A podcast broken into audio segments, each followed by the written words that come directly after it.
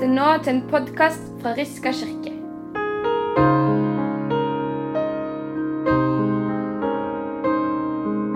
Det står skrevet i evangeliet etter Johannes. Ingen har større kjærlighet enn den som gir livet for vennene sine. Dere er mine venner hvis dere gjør det jeg befaler dere. Jeg kaller dere ikke lenger tjenere, for tjeneren vet ikke hva herren hans gjør. Jeg kaller dere venner, for jeg har gjort kjent for dere alt jeg har hørt av min far. Dere har ikke utvalgt meg, men jeg har utvalgt dere og satt dere til å gå ut og bære frukt, en frukt som varer. Da skal Far gi dere alt dere ber om i mitt navn. Dette er mitt bud til dere. Elsk hverandre. Slik lyder det hellige evangelium. Jeg har hørt at i Brasil fins en kirke som har to helt like Jesusbilder på veggen. Begge er malt som en sånn klassisk Jesusbilde der Jesus står vendt mot, mot oss med armene fram for å, som å ta imot, blikket vendt mot den som kommer. Og Det ene av de bildene henger som en altertavle i kirken. Det er altså det man møter i det øyeblikket man går inn i kirken. Sånn er det jo her, og Når vi kommer inn, så ser vi rett fram mot alteret. Så den figuren som man blir møtt med når man kommer inn, det er Jesus med åpne armer som tar imot. Den andre bildet, som er helt likt, bare at det henger på et annet sted, det henger over utgangsdøra. Så motsatt, når man da reiser seg opp for å få gå ut igjen av kirken, så er det det samme Jesusbildet med de samme hendene som man ser. Egentlig er det et godt bilde på det som prekenteksten i dag handla om. For den starta med og slutta med kjærlighet. Ingen har større kjærlighet enn den som gir sitt liv for sine venner. Dette er mitt bud til dere. Elsk hverandre. Den kjærligheten vi blir møtt med når vi kommer inn i et rom som dette, det er den kjærligheten som først og fremst beskrives ved at Jesus ga livet sitt. Og Det er den kjærligheten som blir gitt i dåpen. Det som ikke vi kan se, som ikke vi kan begripe egentlig, men som dåpsbarna er gode forbilder på oss på i forhold til å ta imot. Der de ikke bidrar med noen ting, ikke svarer på noe, ikke går sjøl, men blir båret fram og faktisk får ta del i noen ting. De får del i den kjærligheten. Og Når vi da så reiser oss og skal gå ut av kirken etterpå, så er jo dette bare en liten time i uka. En liten, liten del av livene våre der vi samles til gudstjeneste. Og resten av uka, resten av livet, møter vi jo andre mennesker. Det vi har fått her inne, fruktene som Jesus snakker om, det skal vi dele videre med de vi møter når vi kommer ut igjen. Vi kan se for oss at vi har en Jesus hengende over døra her òg, som minner oss på at det er han vi møter i alle våre medmennesker. Ute på kirkekaffen, ute i hverdagen. Der vi er til vanlig, så skal vi gi videre det vi har fått. Teksten i dag de handler egentlig om kjærlighet og arbeidsfordeling. Altså om ganske mye av livet. Den første kristne menigheten i Jerusalem vokste, skriver Lukas. Guds ord nådde stadig flere. Tallet på disipler i Jerusalem økte sterkt. Og den menigheten i Jerusalem den besto av en majoritet som snakka hebraisk eller arameisk, og som var jøder som hadde vokst opp i Israel. Og så var det en minoritet som var gresktalende. De var også jøder, men de hadde vokst opp i områdene rundt Israel og flytta inn til byen. Og de var altså i mindretall. Og i jødisk sammenheng så var det sånn at enkene og barn som mista fedrene sine, kunne ikke økonomisk ta vare på seg sjøl. Mange ganger i Bibelen står det om enker og fareløse. Og Dermed så var det sånn at de mannlige slektningene måtte ta seg av dem. Men der det ikke var noen nære mannlige slektninger å ta seg av dem, der var det menigheten som gjorde det. Og Det fortsatte de første kristne med. De videreførte det som den jødiske menigheten hadde gjort, med å ta vare på enkene og de foreldreløse.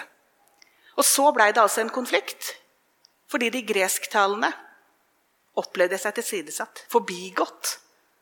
Og så måtte de inn og løse den konflikten. Og det de gjorde, det var rett og slett en arbeidsfordeling. De oppdaga litt det samme som Moses oppdaga mange tusen år tidligere. At én person kan ikke gjøre alt. Vi trenger et fellesskap. Vi trenger at vi kan gjøre ulike ting. Og så gjorde de det på en veldig demokratisk og fin måte. Eh, det var en detalj der. En av de navnene som Bjørg leste opp, det stod at han var en proselytt. Og det betyr at han er ikke født jøde, men hadde gått inn og blitt jøde uten å være det fra fødselen av. Så det var jo da helt tydelig en som ikke hadde vokst opp i det, og en som de gresktalende jødene kunne kjenne seg litt mer igjen i. Så De valgte ulike personer sånn at det fellesskapet skulle være breiest mulig. Åssen er det her? Åssen er det å komme inn i dette rommet og tenke om Riska menighet? Hvem er Riska menighet? Jeg gjetter på at de aller fleste av oss, hvis vi tenker på Riska kirke og Riska menighet Hvis vi lukker øynene og tenker på den første tanken som kommer da, så tipper jeg at de aller fleste av oss knytter det til personer vi har møtt. Og Noen ganger så kan det være gode møter. Andre ganger kan det kanskje ha vært vanskelige møter. Men det som i hvert fall er helt sikkert, det er at Reska kirke og fellesskapet her, det er vi. Verken mer eller mindre enn alle de som er døpte, bor her og hører til i dette fellesskapet. Det er vi som er Kirken. På mange måter så kan en menighet sammenlignes litt med en familie. En familie der ulike ting skal gjøre, gjøres. Jeg er tante til en gutt. Han har blitt voksen nå. Men da han var liten, kanskje sju-åtte år, så lå han på, i senga, og mamma satt på sengekanten og prata med han. Og De snakka om det å bli voksen, og han gleda seg veldig til å bli voksen. Å få lov å bestemme sjøl og ta ansvar for ting og ikke, ikke være liten. Og Så snakka de en stund om det, og så plutselig så ble det stille en liten stund. Og så kom det et kjempesukk, og så sa gutten åh, men, men tenk på alt det jeg må gjøre for kona mi. Så det var jo hyggelig for mammaen som da satt der. Men pappa var et godt forbilde altså for gutten på alt det han måtte gjøre for kona si. Kanskje kjennes det litt sånn noen ganger i en familie alt det må gjøre for de andre. det er to sider ved samfunnet vårt som handler om fellesskap og måten vi er sammen på, som jeg syns er litt utfordrende. Og Det ene det er at vi lever i et samfunn som stadig utfordrer oss til å være best. Til å være flinkest. Til å nå potensialet vårt.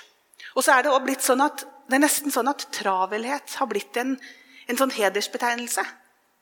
Sånn at den som har mye på programmet og kan vise til at jeg gjør det og det, og det, og det, så, så er man liksom et, framstilles som et viktigere menneske. Å delta i, en, i fellesskapet i Kirken Noen ganger kan det kanskje ligne litt på det, eller minne litt om det. At det å skulle ta en oppgave, være synlig, at det kan gjøre oss litt motløse. Mange ganger i Bibelen står det om en type arbeidsfordeling. Og det å ta en tjeneste. Eller veldig radikalt følge til Jesus. Men når Jesus i dagens prekentekst sier at 'jeg kaller dere ikke tjenere, jeg kaller dere venner', så må jo det først og fremst bety at det vi inviteres til, er fellesskap. Ikke en haug med oppgaver som skal løses og gjøres.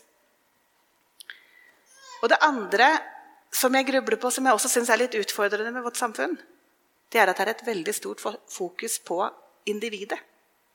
Vi er ofte opptatt av 'what's in it for me'? Hva får jeg ut av å være med på det? Hegn om det som du er god på. Gjør det du vil. Det er jo et hav av muligheter på hva vi, vi kan gjøre, hva vi kan bruke tida vår til. Og Det pussige er at i vår del av verden så har mennesker aldri hatt mer fritid. Og så har vi aldri vært mer slitne og travle. Det er litt snodig. Og det handler jo også om at altså, vi hele tida er opptatt av hvordan kan jeg ha det bedre. Jeg tror at løsninga for et lykkelig liv ikke ligger der. Men at det nettopp handler om fellesskapet og det å høre til sammen med noen. Og der det ikke handler om at bare å gjøre en jobb, men om å stå ved siden av noen. Gjøre ting i lag.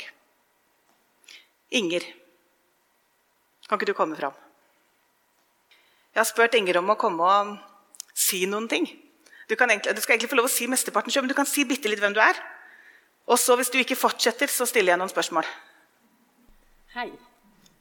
Jeg heter Inger, som du sa. Litt nærmere. Jeg har bodd på Hommersåk i noen og 30 år. Men før det så bodde jeg lenge på Sandnes, for det var der jeg ble født. Det var der jeg hørte til da jeg var liten, midt i Sandnes sentrum. Så gikk veien videre til Oslo og til Bergen og tilbake igjen til Sandnes. Og nå er det Hommersåk som er hjemme for meg. Det er her jeg kjenner at jeg ser kjente fjes, og jeg går tur, og jeg har jo jobba her i mange år òg, da. Og det, tror du kan ekstra tilknytning. Når man har jobben rett i nærheten, så møter man folk som man jobber med, og folk som man blir kjent med i hverdagen. Ikke bare på jobben, men treffer de i butikken. Og når jobben forsvinner av en eller annen grunn, så er det ganske mye i livet som blir annerledes. Så nå kan jeg snakke for meg sjøl som pensjonist at for meg er det viktig å høre til flere plasser enn bare på jobben. Og det har jeg alltid gjort. Enten det har vært i huslig lag eller idrett. Eller alltid en menighet der jeg har bodd. Og det betyr veldig mye for meg å ha en tilknytning til Riska kirke på den måten. For de som jeg treffer av og til her, de, plutselig så får du et nytt fjes å nikke til når du går på butikken. Eller du går til Sjølvik, og så Og det var det noen jeg har sett før. Så det å være med i en sammenheng som lager fellesskap og god trivsel, det syns jeg er viktig. Så når jeg har blitt spurt om å Kan du gjøre det? Kan du tenke deg å være med på det? Så er det jo gjerne ofte sånn vi gjør, at vi, vi kikker rundt og ser om det ikke er noen verdensmestere som heller kunne gjort det. Noen som er gysla gode til akkurat det. Men det er ikke mange verdensmestere som bor på Hommersåk. Så vi må på en måte bare satse på at vi som bor her, vi må gjøre så godt vi kan. Og så må vi av og til si ja. Når vi kjenner at det passer å si ja, så gjør vi det. Og det som jeg kan bidra med litt her og litt der, det blir jo akkurat nok. Og det blir akkurat passelig. Og det blir til og med godt nok. Og i hvert fall når jeg kan stå på kjøkken med mange andre, og vi står og fjoller og vitser og, og, og, bare har det veldig kjekt, så trenger vi ikke være mesterkokker for å lage mat til kirkemiddagen eller pensjonisttreff. Det blir bra. Og du sier 'what's in it for me'? Altså, Får jeg noe igjen for dette? Ja, jeg kjenner at jeg har det til. Og jeg trives med å være sammen med andre folk. Og det er veldig mange som er gode til å takke. De smiler, og det er helt gratis å gi vekk et smil, men det betyr enormt mye å få det.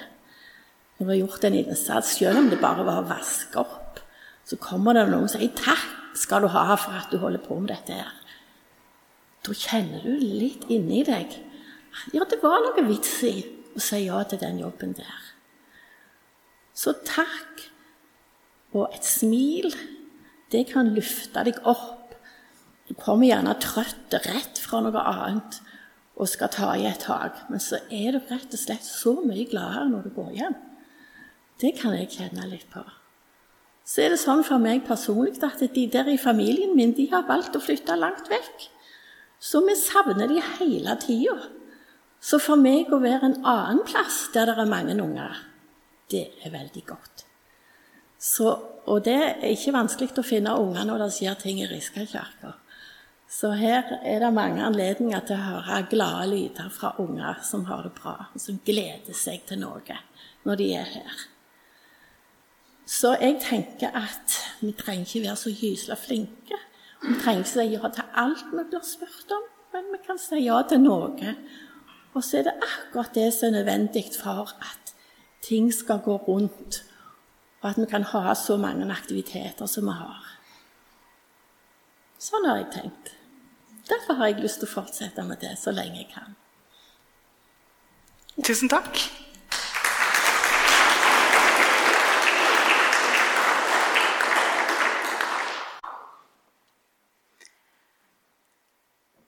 Moses og apostlene de delegerte. Egentlig gjør Jesus det òg. Jesus delegerer til oss. Å lage sånne langbord der det er plass til alle. Og kanskje den beste måten å ta imot kjærlighet på, det er å gi den videre. Dere har ikke utvalgt meg, men jeg har utvalgt dere og satt dere til å bære frukt. En frukt som varer, sier Jesus. Dette er mitt bud til dere. Elsk hverandre. Tenk på noen av de gode møtene du har hatt med mennesker. Blikk smil, gode ord, vennlighet, hjelpsomhet, trøst, tilstedeværelse. De som har fått bety noe for deg. Det gode fellesskapet handler om det. Å få ta imot det av noen andre, og å få være det for noen andre. Man, når man stemmer pianoer, så bruker man en stemmegaffel. Hvis man stemmer 100 pianoer ut fra den samme stemmegaffelen, så vil de være i harmoni med hverandre. Stemmer man dem derimot ut ifra hverandre, så vil det være bitte litt forskjell for den som klarer å høre så godt. Mens når man bruker den samme stemmegaffel, så vil alle pianoene på en måte ha underordna seg noe høyere enn seg sjøl. Da klinger de i harmoni med hverandre. Kanskje er det litt med så, sånn med oss òg. At vi kan møte hverandre i et fellesskap og se hverandre og ha det godt. Men det er først når det fellesskapet henger fast i noe som er større enn oss. Der vi kan få lov til å vende blikket ikke bare mot oss sjøl og mot hverandre, men at vi også kan få lov å vende blikket mot Gud. Han som tar imot oss når vi kommer, tar imot oss når vi går.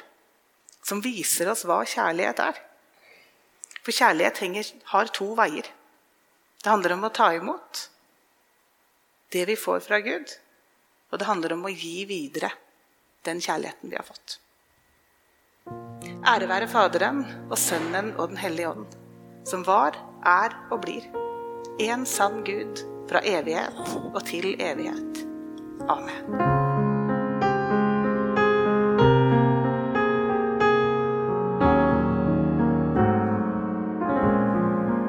Du har lytta til en podkast fra Riska kirke.